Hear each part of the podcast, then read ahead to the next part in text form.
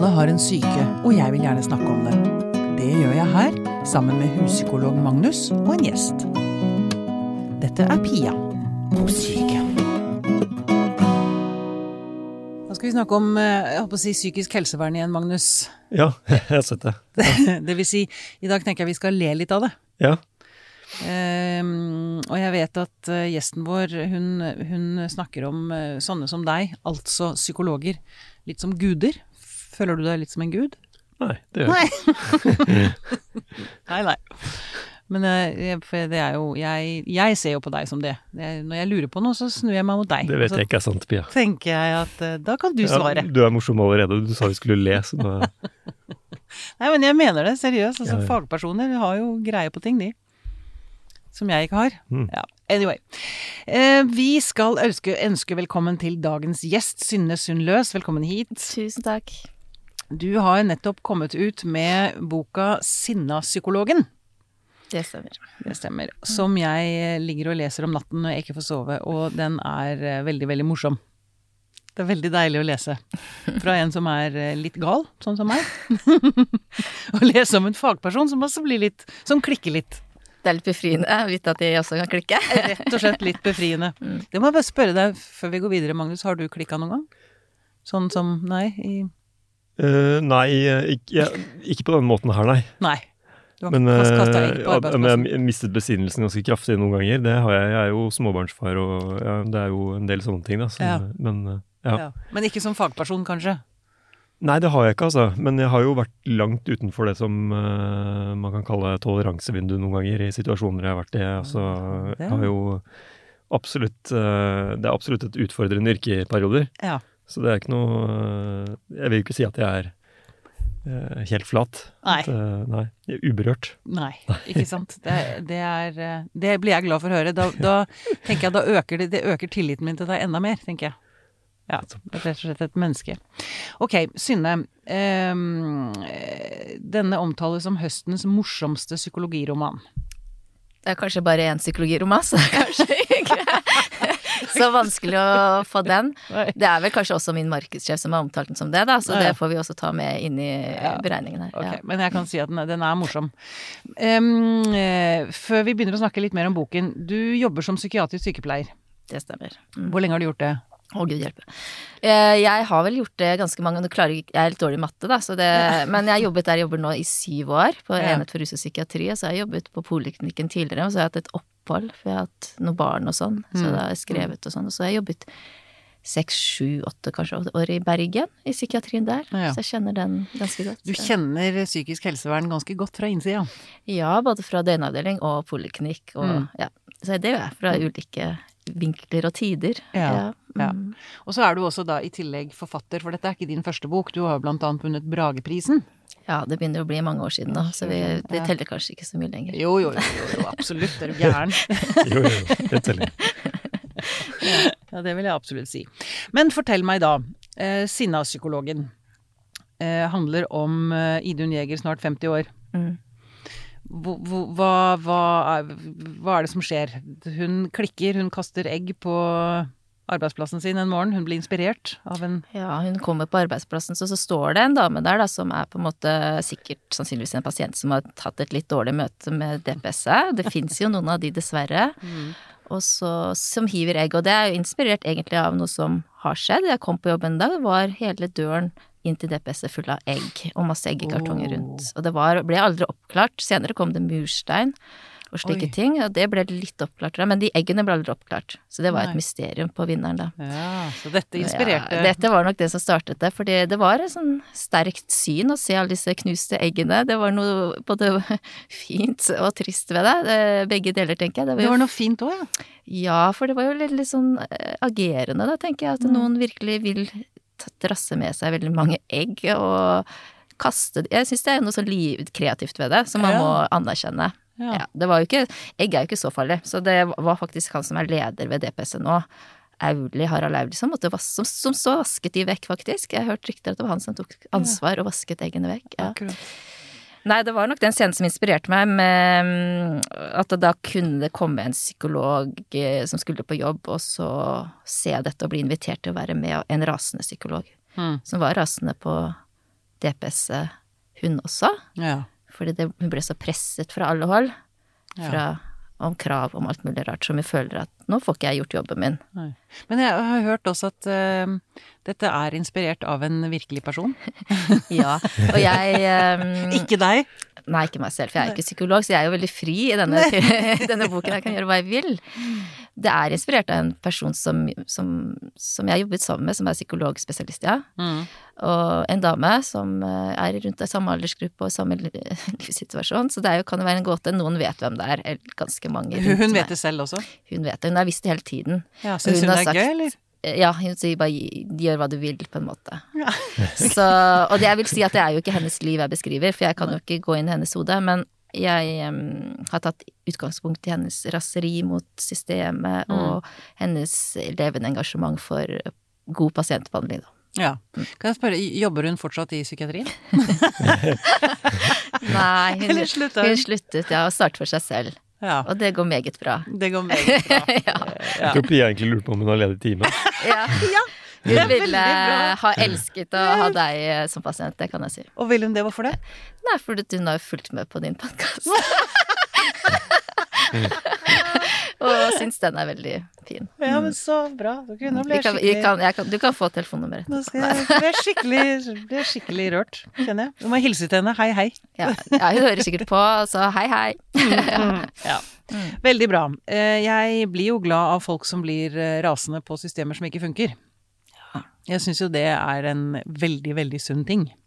Mm. Og da har jeg lyst til å snakke litt mer om, eh, om systemet. Det vil si, eh, ja, før vi gjør det, vi må bare høre litt grann mer om selve eh, boka. Altså mm, eh, denne kvinnen som klikker. Altså det går skikkelig galt for henne. Jeg, jeg må si at jeg har lest kanskje en fjerdedel så langt av boka. Gleder meg til å komme hjem til den igjen. Men du må ikke No, no må spoilers. Ikke Nei, nei. Mm. Men um, jeg vet at det går Altså, hun går Det går skikkelig Det går veldig langt ned før det går opp igjen for henne. Ja. Har du kommet til hvor det går Hvor, hvor langt ned har hun kommet nå? Okay. Hvor langt uh, Hva var det siste jeg leste? Um, nei, det var vel Jeg vet hva nå Mistet det- jobben, eller? eh, Ikke mista jobben ennå, nei. Nei. Eh, nei. Ikke kommet så langt. Men hun har vel kanskje blitt avslørt, eller? Nei. Nei, ikke. Nei, Nei. da går det lenger ned etter hvert, da. ja, ja, det går lenger ned. Det har jeg skjønt av eh, Det har jeg skjønt. Ja. Eh, hvem hun er, tenker du? Eller hva? Ja, litt mer om hva, hva, boken, eh, Ja. hva boken handler om. Ja, jeg kan si at den er delt inn i fem deler, Mm, og de fem delene er fem mandager i hennes liv i løpet av et år. mm, Så det er litt sånn ulik avstand mellom de mandagene, men, eh, men man kommer liksom rett inn i en dag. Og den første dagen er jo når hun kaster disse eggene, på en måte. Og da er, følger vi henne liksom en dag gjennom en sånn DPS-dag, da, med pasienter og personalmøter og lunsj, og det er avslutning av en psykologstudent som skal eh, avsluttes og sånn, og, og så er det sånn, plutselig et sånn personalmøte, da, som lederen eh, plutselig tar initiativ til fordi hun Det er jo masse sånne nye ting som, som skjer hele tida, som behandlere må oppdateres på mm. i forhold til produksjonstall og feedback-system, så som er veldig sånn slitsomt for oss som jobber i psykiatrien. Da. Så da har du sikkert kommet gjennom de møtene der. ja. Og de er jo ganske egentlig inspirert av virkeligheten, da, får jeg si det sånn, uten at um, det er helt virkelig. Det er jo ikke Jeg har jo aldri egentlig sett eller møtt min øverste leder som jeg beskriver i denne, så det er jo ikke henne. Nei. Det må jeg bare få si, for Ja. jeg, jeg blir jo redd for å møte henne også nå. For jeg har jo aldri møtt henne, så, og så kommer den boken, ikke sant, så kan du jo tro at det, Ja, men det, det, er ikke, det er en helt fiktert person, dette er fik, fiksjon. Mm. Men det er hentet mye ut fra hverdagen allikevel, da. Mm. Det er litt overdrevet, kanskje. Men så er jo boken videre om hennes på en måte blir avslutt med den eggekastingen, ikke sant. Nå skal ikke jeg komme med spoilere, men det er litt vanskelig å ikke gjøre det. Men, Ja. Nei. Men jeg kan si det at uh, Freud og Freud eh, kommer med, da. Psykoanalysen kommer litt med. Mm. Mm. at Ja, jeg vil snakke litt om Freud og id også etterpå. Men eh, eh, egentlig eh, det jeg eh, Som jeg tenker altså her i Pia og psyken, det jeg syns er kanskje det mest eh, Det viktigste her er jo dette med systemet. Som til tider ser ut til å knuse både behandlere og pasienter. Mm. Det er ganske krass kritikk. Ja, det er mot det. dette helsevesenet. Hva, kan, kan, vi, kan vi snakke litt ut om dette nå? nå har vi en som jobber i eh, det psykisk helse, eller Mm. dere jobber jo begge der. Mm. Um, hva Altså, det du løfter frem spesielt her, er, er pakkeforløpet Mm.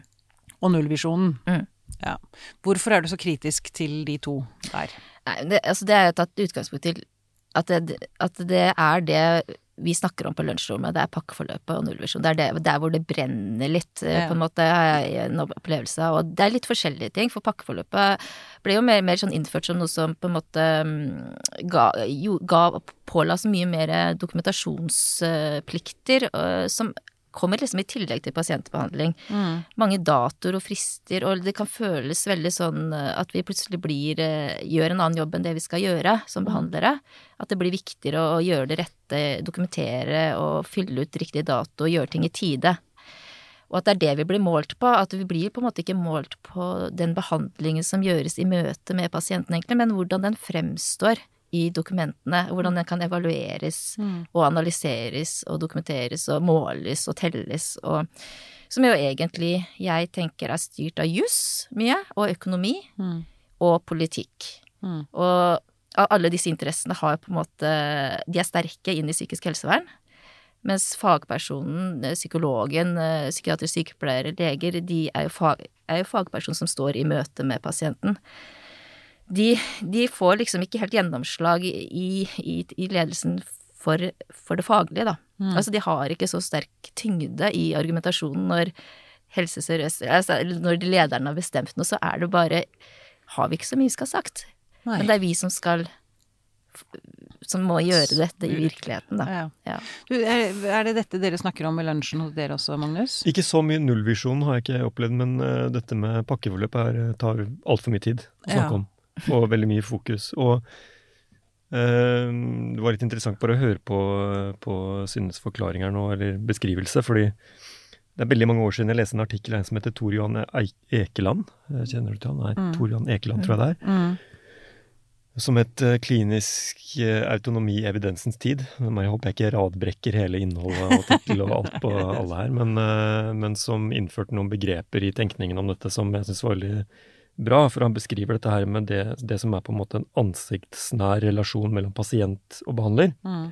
Hvor man skal finne ut av hva den eh, pasienten trenger som individ, eh, som kommer med sine, sine behov og sine plager, og, og da en behandler som skal prøve å gi en eller annen form for skreddersøm av, eh, av behandling til denne pasienten, så er det rommet nå truet av noen ytre pålegg som er byråkratisk, egentlig. Ja.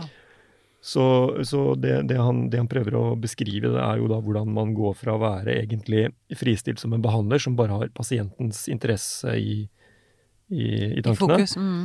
til å bli det han kaller for en bakkebyråkrat. Til en representant for en del Mm. byråkratiske styringsprinsipper som pasienten skal orienteres om, og som skal styre aktiviteten, og som på en måte kan overskygge da, de individuelle behovene som den pasienten kommer inn med. Da. Mm.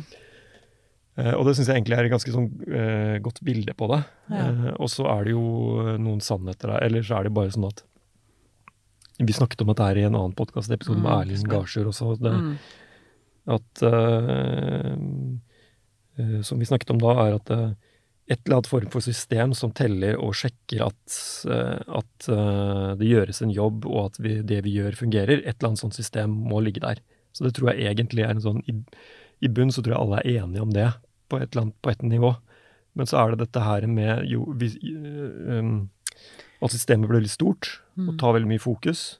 Og blir Blir veldig viktig, viktig i seg selv. Ja. Ja. ja. Systemet er viktigere rett og slett enn pasientene. Det, det er en sånn veldig sånn klar slagside ved det der Mm, mm. pakkeforløpet som jeg tror alle er veldig opptatt av. At, eh, og at eh, det går for langt i den retningen. Ja. Ehm, men la meg spørre, altså jeg hører jo egentlig bare negative ting om pakkeforløpet.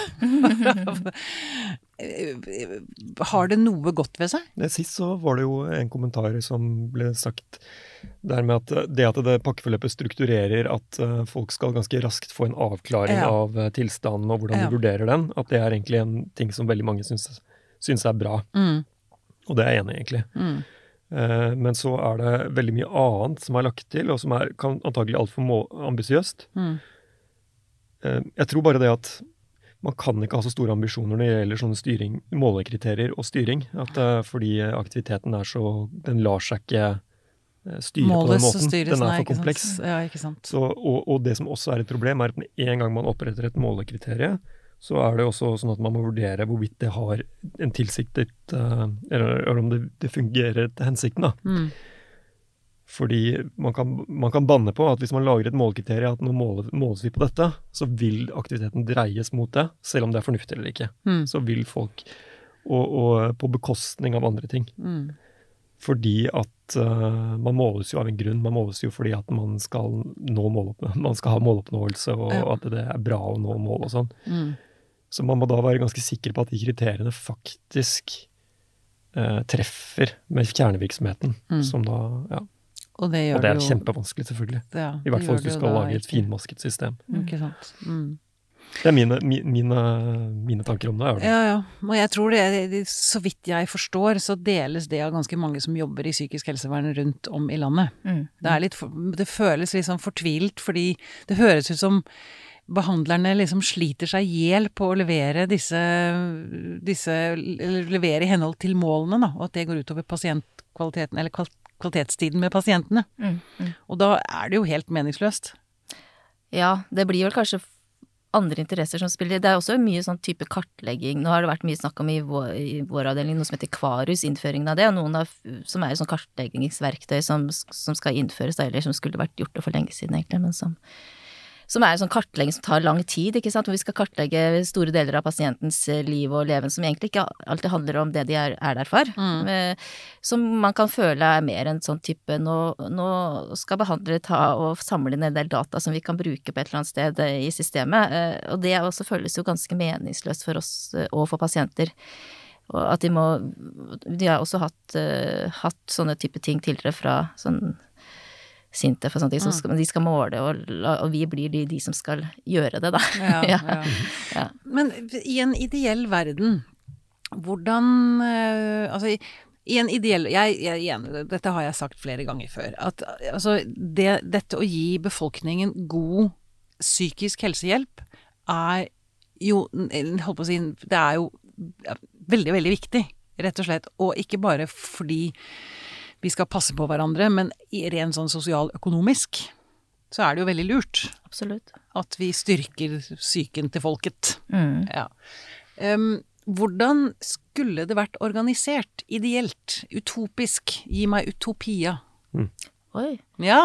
Nei, men jeg tenker i hvert fall at um, jeg, jeg vil jo ikke være svartmale av ting så veldig heller, for jeg tenker der jeg jobber nå på Vinneren, så på enhet for rus og psykiatri, så, så føler jeg faktisk at vi får hjulpet en del på en bra måte. Ja. Så det, jeg føler jo ikke at det er Kanskje fordi jeg jobber i rus, men jeg har mine pasienter lenge Mm. i behandling. Jeg jobber på en poliklinikk, og jeg har fått innføre, som jeg skriver i den boken også, sånn lese-litteraturgruppe. Jeg har tenkt å prøve å få innført en skriveterapigruppe der oppe. De er jo veldig sånn åpne når jeg kommer med noe annet òg, så jeg må jo si det at det har Det er ikke bare system. Der. Det er bra. også mennesker, ikke sant, Ja. Som er, er åpne. Så jeg, jeg vil absolutt ikke svartmale det.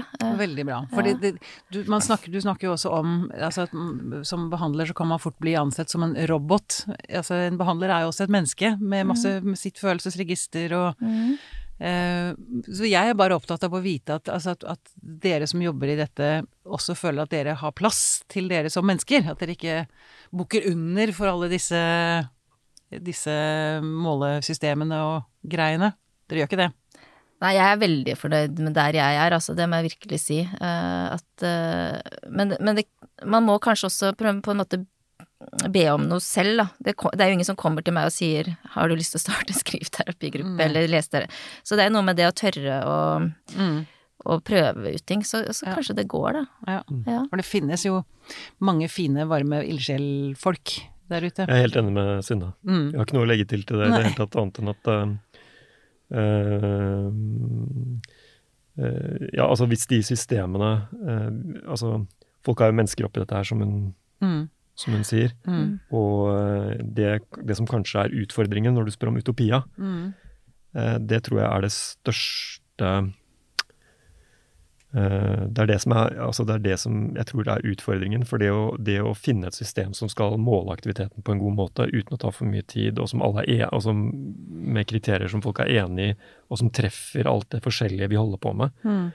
at det er utrolig vanskelig. Mm. Så jeg, jeg, har litt sånn sympati for de som skal lage disse systemene nå. fordi det, jeg, jeg, merker at jeg, jeg, henfaller litt i sånn mental eggkasting på døren. Mm. Eh, mer enn å ha et godt alternativ, da. Mm, ja, ikke sant. Eh, ja. Det er eh, Annet enn å kunne si at man skulle redusert litt når det gjelder eh, en del av de registreringssystemene. Ja. Jeg tenker jo at, jeg forstår også at man må registrere og måle og telle og alt dette, for det, man må jo på en måte gjøre det. men det kanskje det er litt snaut på, på den ivaretagelsen av eh, behandlere og fagutvikling av behandlere. Mm. At hvis det hadde vært litt mer fokus på begge deler, ja. at uh, i, i, miljøet i, på, på avdelinga liksom, Så hadde det kanskje vært lettere å, å, forstå alle disse målingene og tellingene.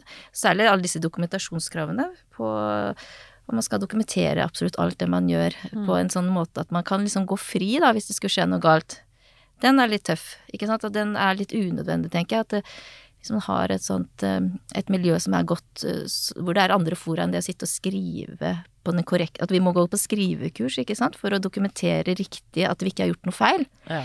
Men det kan jo være at vi har gjort noe feil, men hvis vi klarer å dokumentere at vi ikke har gjort det på en skriftlig god måte, så slipper vi fri. Men hvis vi ikke klarer det, så, så blir vi jo tatt. Mm. Selv om vi kanskje har gjort det Så det er liksom dumt at det blir så veldig veldig sånn dokumentaristisk, da. Ja, si det selv altså behandlingen kan være helt optimalt, ja. genialt bra. Mm. Men så dokumenterer dere feil, og så får dere smekk, liksom. Ja, ja, det blir litt sånn. Ja. Ok. Um, men det andre også, nullvisjonen. Den er også Idun, og kanskje da også du, veldig kritisk til. Eller, eller stiller spørsmål. Vi har jo snakket mye om det på lunsjrommet, den også. Mm. For det er jo en utopi. Det er jo i hvert fall en utopi. Og hvis den skulle vært Eh, reell, så hadde jo det vært veldig mye maktbruk og tvangsbruk og overkontroll i, hvis man skal liksom gjøre det. Mm. Eller som du sa på et eller annet intervju, ja. eller så må vi bare passe på å ha veldig friske folk i ja. behandling. Og det tenker jeg faktisk ikke er så urealistisk. Jeg tenker at mange f.eks. avtalespesialister som sitter ute alene, ikke vil ha veldig akutt fordi de er redd for at det skal skje noe, ikke sant. De vil ikke sitte med ansvaret. Så jeg tenker også hos oss hvis det er noen veldig, veldig sånn så, så, så, Både når det gjelder rus og sosialitet og sånne ting, så, er det noe behandlere vurderer, faktisk. Er dette noe jeg orker å sitte med? Ja. Det er kanskje litt tabu å si det, men, men jeg opplever det egentlig på avdelingene, at det, det, er, et, det er en belastning.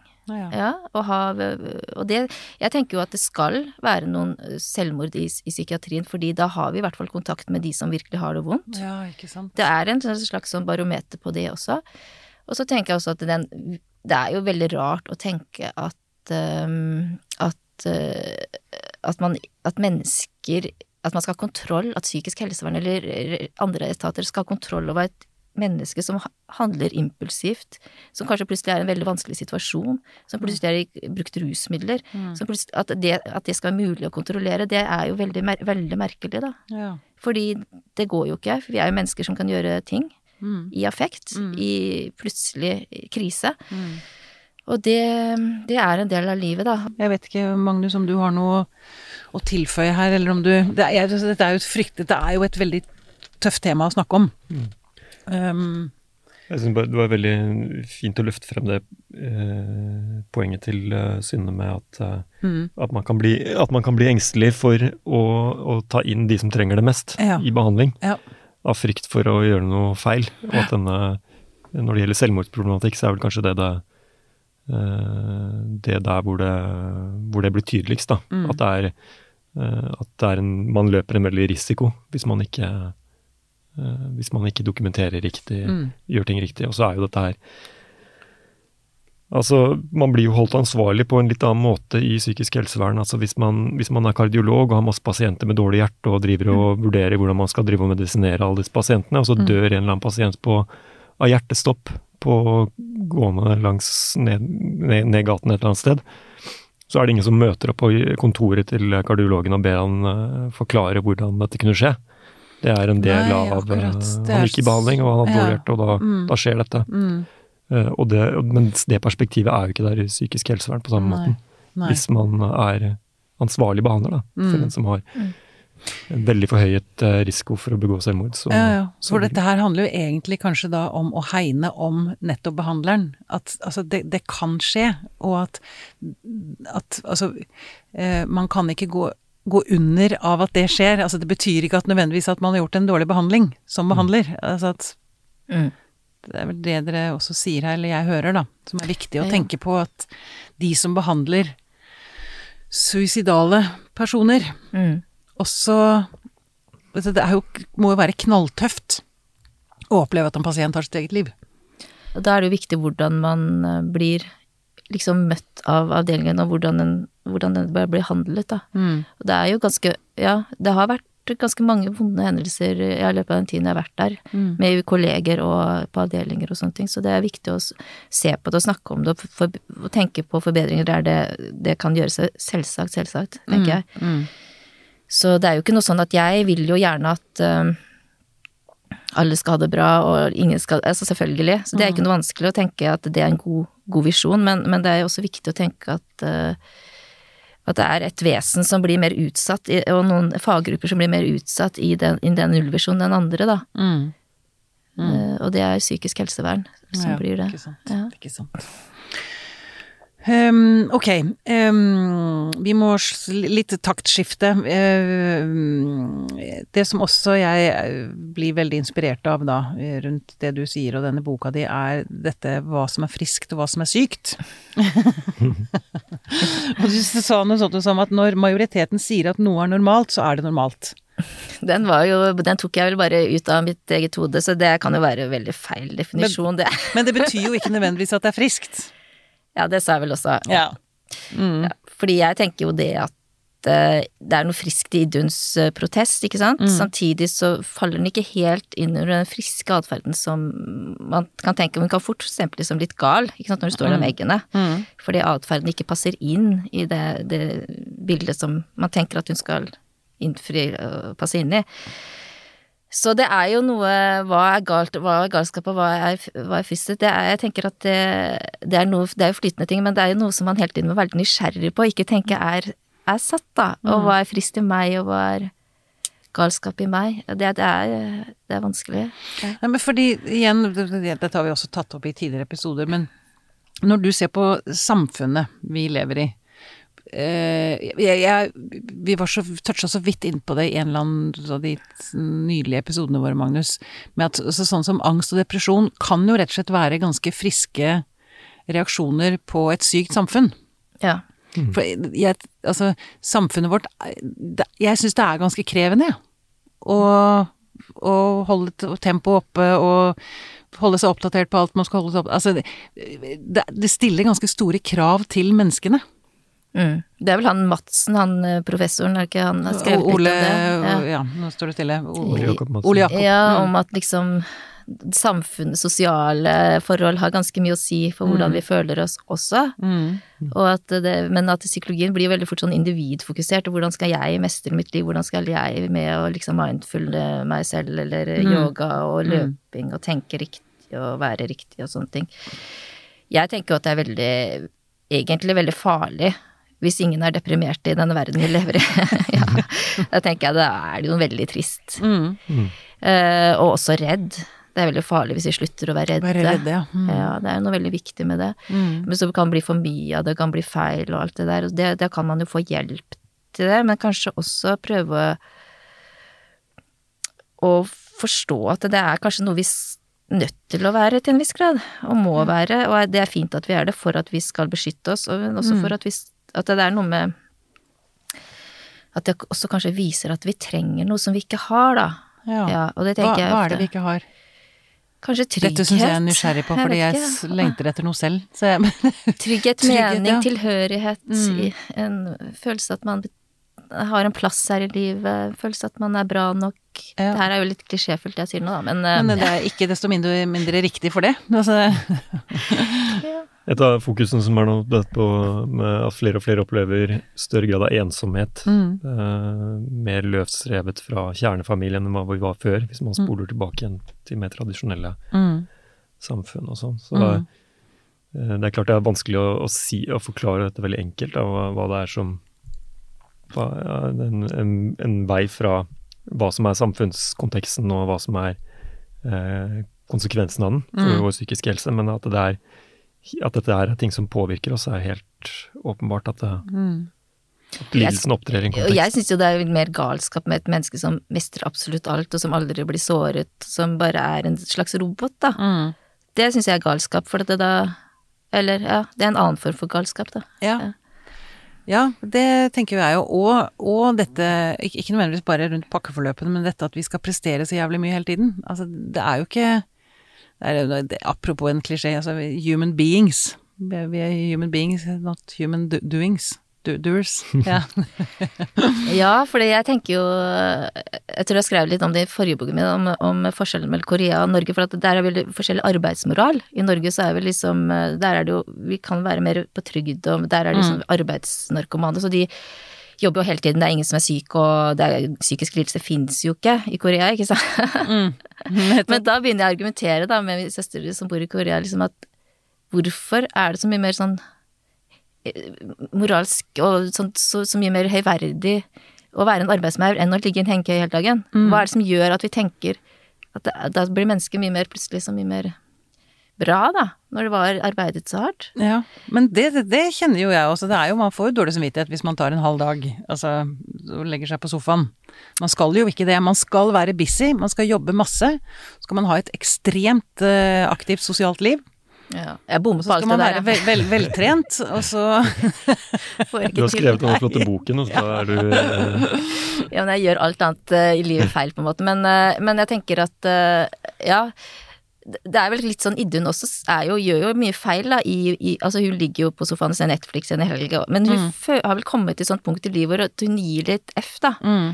At ja, jeg burde jo vært sosial, jeg burde jo hatt en mann, jeg burde jo ditten, jeg burde jo datten, men ek, nei. Jeg gidder ikke. Nei. Det er en slags protest, det òg. Mm. Og det er, det er noe veldig, veldig deilig med det. Ja. Den friheten til å si gi verden fingeren og bare kjøre sitt eget løp.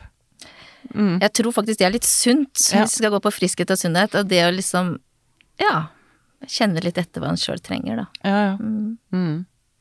Um, jeg tenkte også på dette med friskt og sykt Apropos Britney Spears, som er kommet opp i mediene igjen nå. Så jeg tenker på hennes reaksjon da på midten av 2000-tallet. Når hun uh, gikk til angrep på en paparazzi og barberte av seg hår og alt dette. Så tenker jeg det er For meg så er det en utrolig sunn reaksjon på en helt syk situasjon. Er dere ikke enig i det? Helt enig, altså. Ja. Men jeg, ja. Jeg trenger all bakgrunns... Uh... Har du ikke fått med deg Britney Spears, Magnus? What? Bare, Er du ikke populær- Jeg virkelig ikke hva det er for noe, jeg bare skjønte at det er noe der. Men jeg har ikke lest noe av det. Nei, hun var jo Hun skapte jo forsider verden over da hun eh, klikka. Hun ble, altså, hun ble forfulgt av paparazzier. Og Mm. så klikka hun og gikk til angrep på en Hadde det noe med det vergegreiene? For det er det jeg leste Nei, om, ja, nei, det nå. Nei, det er nå. Det var vel etter det at okay. faren hennes fikk uh, kontrollen over henne, tror jeg. Jeg kan ikke mye om det heller, men jeg bare Når man ser sånne kjendiser som Mm. klikker jeg, forst- jeg tenker at jeg forstår dem så utrolig godt. Mm. For det å være utsatt for det presset de er utsatt for, er jo helt sykt. Jeg forstår det kjempe... Og ja, hvis jeg hadde vært satt under verge av faren min, da hadde jeg i hvert fall klikka, for å si det sånn. det, det, det hadde ikke gått bra. Hæ? Kunne vært litt ålreit, det syns jeg. Ja, Å bli satt under verge. Gå tilbake igjen i Ja, barndommen. hadde vært Jeg er enig i det. Det kunne faktisk vært litt deilig, kanskje. Nei, det er, klar, det er helt åpen... Altså, hvis spørsmålet er om vi reagerer på ekstreme frihetsberøvelser og, og ting som eh, frustrerer oss i, i ekstrem grad, så er jo svaret åpenbart ja Ja. på det. Og Jeg, tror, jeg lurer på det. Jeg kan tenke meg at det er ganske mange som kunne tenke seg å egge ned eh, arbeidsplassen sin, egentlig. Ikke bare i psykisk helsevern. det er det som var så deilig med denne boken, fordi den, hun gjør jo det som jeg tror mange kan ha drømt om. Altså det å få lov til å klikke innimellom er jo også en sunnhetsting. Det, men det er liksom litt farlig. Det Mm. er ikke så rom, stort rom for det i, i, i Norge, kanskje i verden. Jeg vet Kanskje noen kulturer har større rom, romslighet for en klikkings av og til. Ja. Italia, kanskje. Jeg vet ikke om de er mer sånn fyrige. Men uh, i Norge så føler jeg at det er farlig. Jeg har klikka et par ganger da, i livet, og jeg skal ikke nevne de, men, men det var ubehagelig etterpå. Ja, det var det.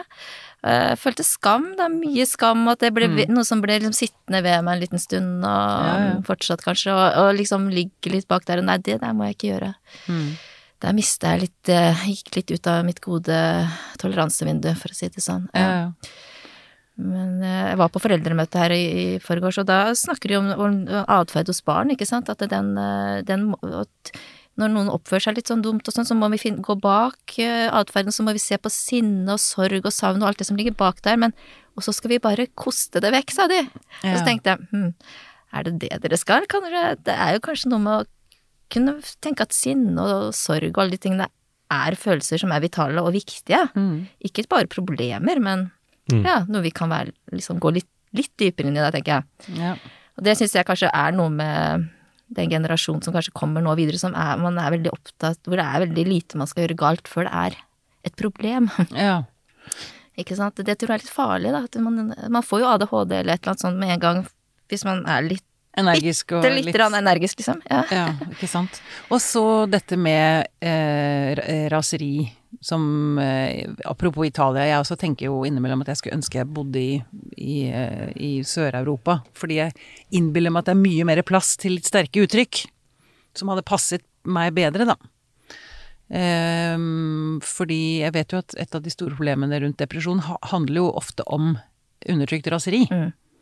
Og når man ikke får lov til å uttrykke raseri, så blir man sjuk. Mm. Så det er jo en helt menneskelig følelse. Det irriterer meg sånn at det skal være så liten plass til det. Ja, jeg syns jo raseriet burde jo Det burde jo heves opp, og det burde jo liksom blitt gjort til et kunstart, da. Det hadde blitt mer interessant. Altså hvordan være rasende på en litt sånn mer kreativ måte. At det var rom for det. Eh, Eggkasting. ja. At liksom, da blir det jo mer interessant enn at det bare skal bli å, hjelp, angst, ikke sant. Men, eller å, for en raring.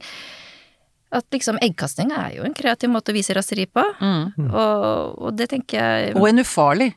Så lenge man Altså, jeg liker jo ikke at man skal ikke drive og egge ned husene til naboene hvis man er sint på naboene, liksom. Det er jo noe med Nei. å ikke la det gå utover andre. Men det Man kunne jo tatt en joik, for eksempel, hvis man var sint på noen på arbeidsplassen. ja, det, det hadde ikke blitt så truende, kanskje, men han hadde fått det ut, da. Ja. Joik, du! Det var, kan du joike? Nei da, men Nei, eh, det, det heter vel noe annet, egentlig, når man skal få ut et eller annet. Men, Ja. men, men at man kunne danset ut, eller skreket litt, eller vært, hatt et lite skrikerom et eller annet sted, eller et eller annet, da. Skrikerom er, det er jeg veldig for. Og bokseball Ja. på arbeidsplasser. Tror jeg tror jeg hadde gjort seg. Ja, at det- man får, i hvert fall får noen steder, da. Mm. Ja. Mm. Det er ikke så mange steder man kan være sint i dag. Nei, ingen steder. Med mindre man driver med kampsport. Da, ja, og boksing og sånn. Boksing og sånn. Og så det er kanskje derfor mange jogger. For at de jogger Som fotballfan. Fot, fotball! Fotball, få selvfølgelig. Fått, ja. Der, de har lov. Det tror jeg, tror jeg er veldig mye god psykisk helse som skapes eh, med roping og det skriking på fotballbanen. Det tror jeg. Det tror jeg. Og menn som sitter hjemme i stuene sine og hyler. Ja, hytte med neven mot even, ja. Hytte med neven mot even, Ja. Ja. Det er veldig sunt, da. Ja, nei, det tror jeg på. Ja. Ja, jeg tror jeg må, jeg må finne Jeg lurer på om jeg må begynne å bokse. Kanskje det kan være, kan være ting. Og så er det jo eh, et sånt eh, tema som eh, fra, fra flere tiår siden man ble opptatt av dette her med lært hjelpeløshet, som noe som også setter Som ofte, ofte skaper depressive reaksjoner.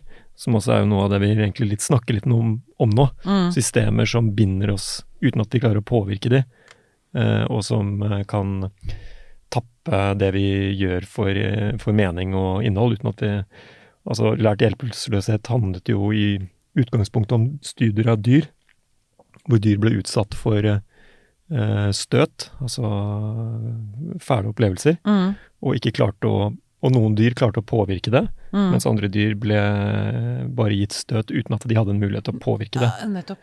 Og da så man jo at de dyrene som ikke klarte å påvirke det, de kunne få samme mengde støt, men henfalle til en depressiv reaksjon, eh, fortvilelse over situasjonen sin. Altså man skal kanskje ikke eh, spekulere for mye i hva som foregikk inni hodet på disse hundene, Mm. men at det er en veldig klar, eh, at det er en veldig klar mekanisme man ser ved depresjon òg. Ja. Uh, Folk som opplever å bli satt i fangenskap, eller uh, Mm. opplever å ikke ha noen kontroll over skjebnen sin. Mm. Det er klart at det Så istedenfor å, å, å snakke om det som bare raseri, så kan det også være rett og slett bare en situasjon som gjør at raseriet ditt ikke fungerer lenger. Du blir Ja. satt i en situasjon over tid som så lang, over så lang tid at du ikke klarer å slåss deg ut av det. Det er ikke noe du får gjort. Du, du er maktesløs, rett og slett? Du føler deg maktesløs, ja. Åh, jeg blir helt tung langt inn i sjelen. Ja, over ja. Ja, det er jo litt jo interessant at, ikke man, at man ikke klarer å få kontakt med raseriet sitt engang. At man eh, kanskje ikke uttrykker evnen til å være rasende. Kanskje det er en egen skills. Og liksom ja og, den der, og den der mekanismen som man så kan snakke om innimellom, da, at hvis, eh, som man ofte er opptatt av barn, da, hvis ikke de får uttrykk for raseriet sitt, at det kan være, det kan være veldig lett for å vende det innover. Mm. At du får den kvaliteten av depressiv tilbaketrekning som egentlig handler om at de tenker at det er noe feil med seg selv, eller, Mm, eller at det blir en veldig sånn mm. forståelse av det som er feil i verden, at det handler om noe, noe, noe mørkt inni igjen, da. Ja, Mm. at feilen ligger hos meg. Det er Mm. ikke verden. Eller ja, at man snur det innover, da. Mm. Det er mm. Du, Synne, hvis du Hva ønsker du, hva håper du denne boken vil inspirere til? Annet enn eggkasting, kanskje. Oi, hva? Det er kanskje mange forskjellige ting, men jeg slår jo et lite slag for tid og rom og møte mellom behandlere og pasient. At jeg tror jo det er en sånn kvalitet, da, som er viktig å bevare. At vi ikke blir så tekniske og instrumentelle og i utredning og kartlegging og behandling. At det er noe med språket vi bruker om dette vi driver på med, som kan bli veldig sånn, sånn distanserende og litt sånn eh, Kan fjerne oss fra den opprinnelige psykoterapeutiske armen, tenker jeg. Så det er derfor jeg tar med Freud og sånne ting, da. Mm. Tenker jo at han er jo litt sånn Han er jo litt full av støv og sånne ting da, men men han er jo fortsatt eh, psykoanalysens far, da, og starten på yeah. denne samtaleterapien som handler om å lytte til mennesket. Og jeg tenker også at dette med drifter, da, som Freud også er jo en sånn Psykoanalysens eh, fokus er jo på drifter, at det er jo noe som kanskje i liten grad blir liksom så fokusert på i psykisk helsevern i dag. Eh, Dette med at vi er driftsvesener, og at det, vi er veldig rasjonelle i vår tilnærming til hvordan vi skal løse psykiske problemer, og hvordan vi skal forstå dem. Mm. Så glemmer vi kanskje litt at vi er dyr på en måte også. At vi er drevet av veldig mange ubevisste og veldig sånn eh, drifter i oss så, Mm. som gjør at ting At vi handler eh, det som vi kan si irrasjonelt, da. Vi er ikke så rasjonelle som vi kunne ønske at vi var. Men eh, Vi er ikke så rasjonelle at vi passer inn i systemene, egentlig. Nei, og jeg tenker at det er et viktig perspektiv, da. Som Mm. kanskje er litt sånn på vei ut, men som, som er viktig å huske på i der. Det blir liksom for de spesielt interesserte, det med Freud og psykoanalysen nå. Ja, det, det er bra du minte meg på det. Jeg sa jo det innledningsvis at du skulle snakke litt om Freud. Ja. For jeg vet du er opptatt av han, kanskje ikke så mye av hans lære, men av han som person.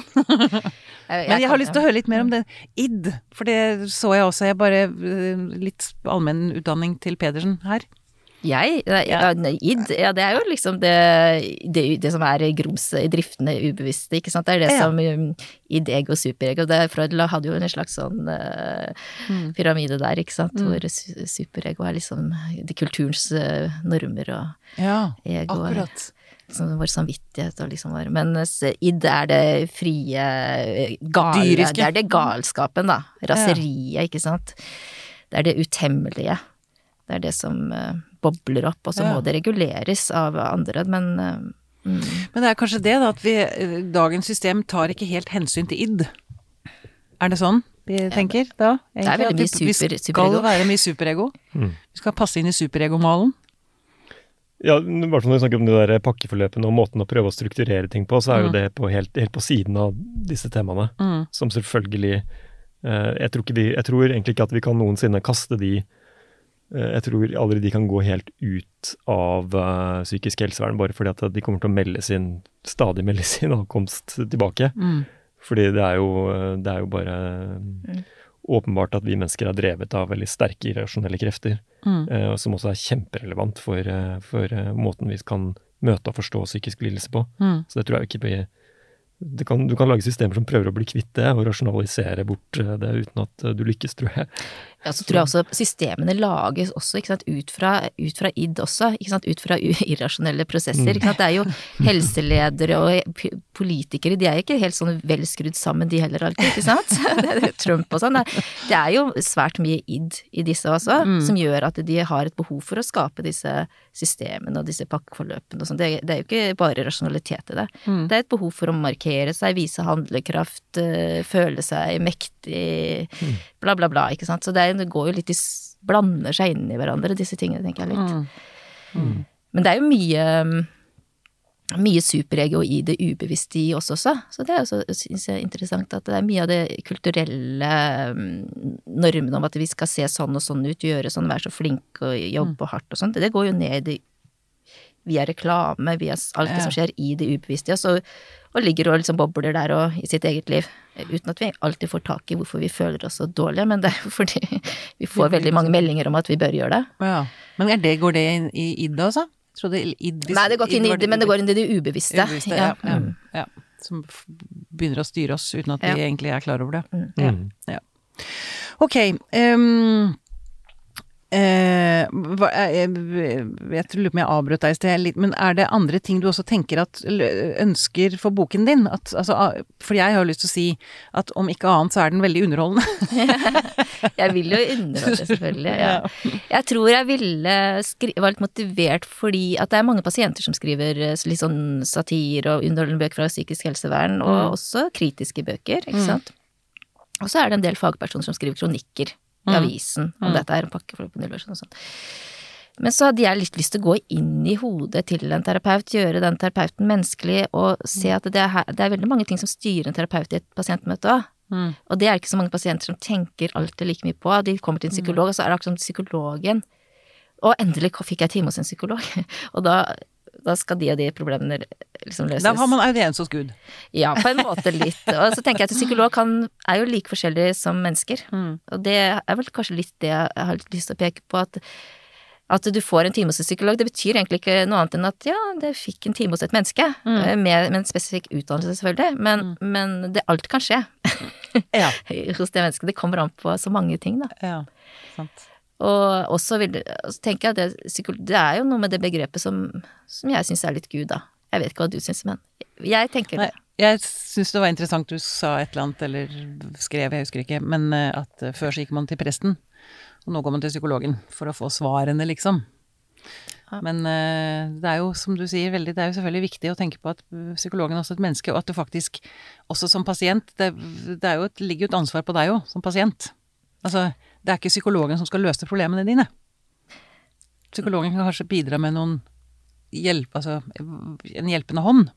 Ja, og så, så tenker jeg også at, at uh, for pasienter sånn som leser, så kan de jo bli litt Jeg har vært litt redd for at de skal bli skremt, da. Å gud, liksom hjelpe meg. Og det er kanskje noe som har blitt, og jeg vet ikke. Men, men for mange så kan det også være litt sånn uh, Ja, litt interessant å se hva som Hvordan dette vesenet egentlig er litt skrudd sammen, på en måte, fordi man tror man kommer, og så skal det sitte en person der, og så, så er den helt sånn bare her for at jeg kom i dag, liksom. Mm. Men så er det så mange andre ting som styrer den personens ja. arbeid, da. Så det ja. kan jo også være litt sånn at de får et annet innblikk i hvordan dette egentlig er. Mm. Selv om dette er satire og overdrevet, og det er ikke helt sånn som det er i boken. Det må Nei. jeg bare si også. Ja, at det, det, er ikke det. Nei. Jeg har uh, tatt noen friheter.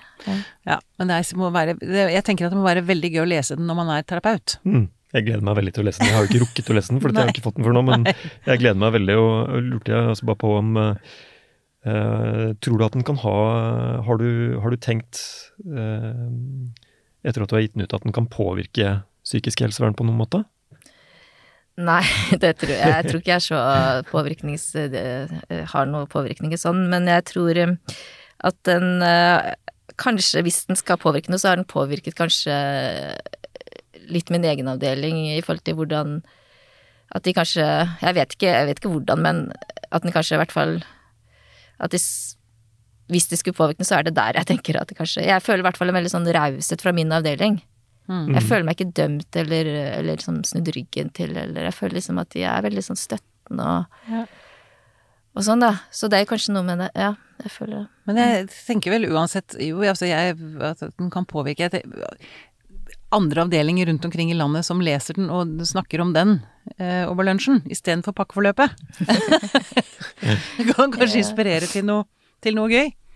Ja, jeg håper jo at i hvert fall at uh, er, Jeg syns um, det er vel at folk må kunne prøve å påvirke selv fra, fra grasrota, for det tror jeg det er mulighet for, da. Mm. At man kan eventuelt, hvis det kan påvirke sånn, så er jeg veldig fornøyd fordi det er mulig å sette i gang egne initiativ og prøve å gjøre noe som man selv brenner for, liksom. Ja. Også, tror jeg. Mm. Ja. Det har jeg erfaring med. Ikke ja. sant. Og det er jo veldig inspirerende. Ja, det er veldig inspirerende. Mm. Ja, det syns jeg. Veldig bra. Nydelig. Synne Sund Løs, tusen takk for at du kom til oss. Tusen takk for at jeg fikk komme. Tusen takk for det.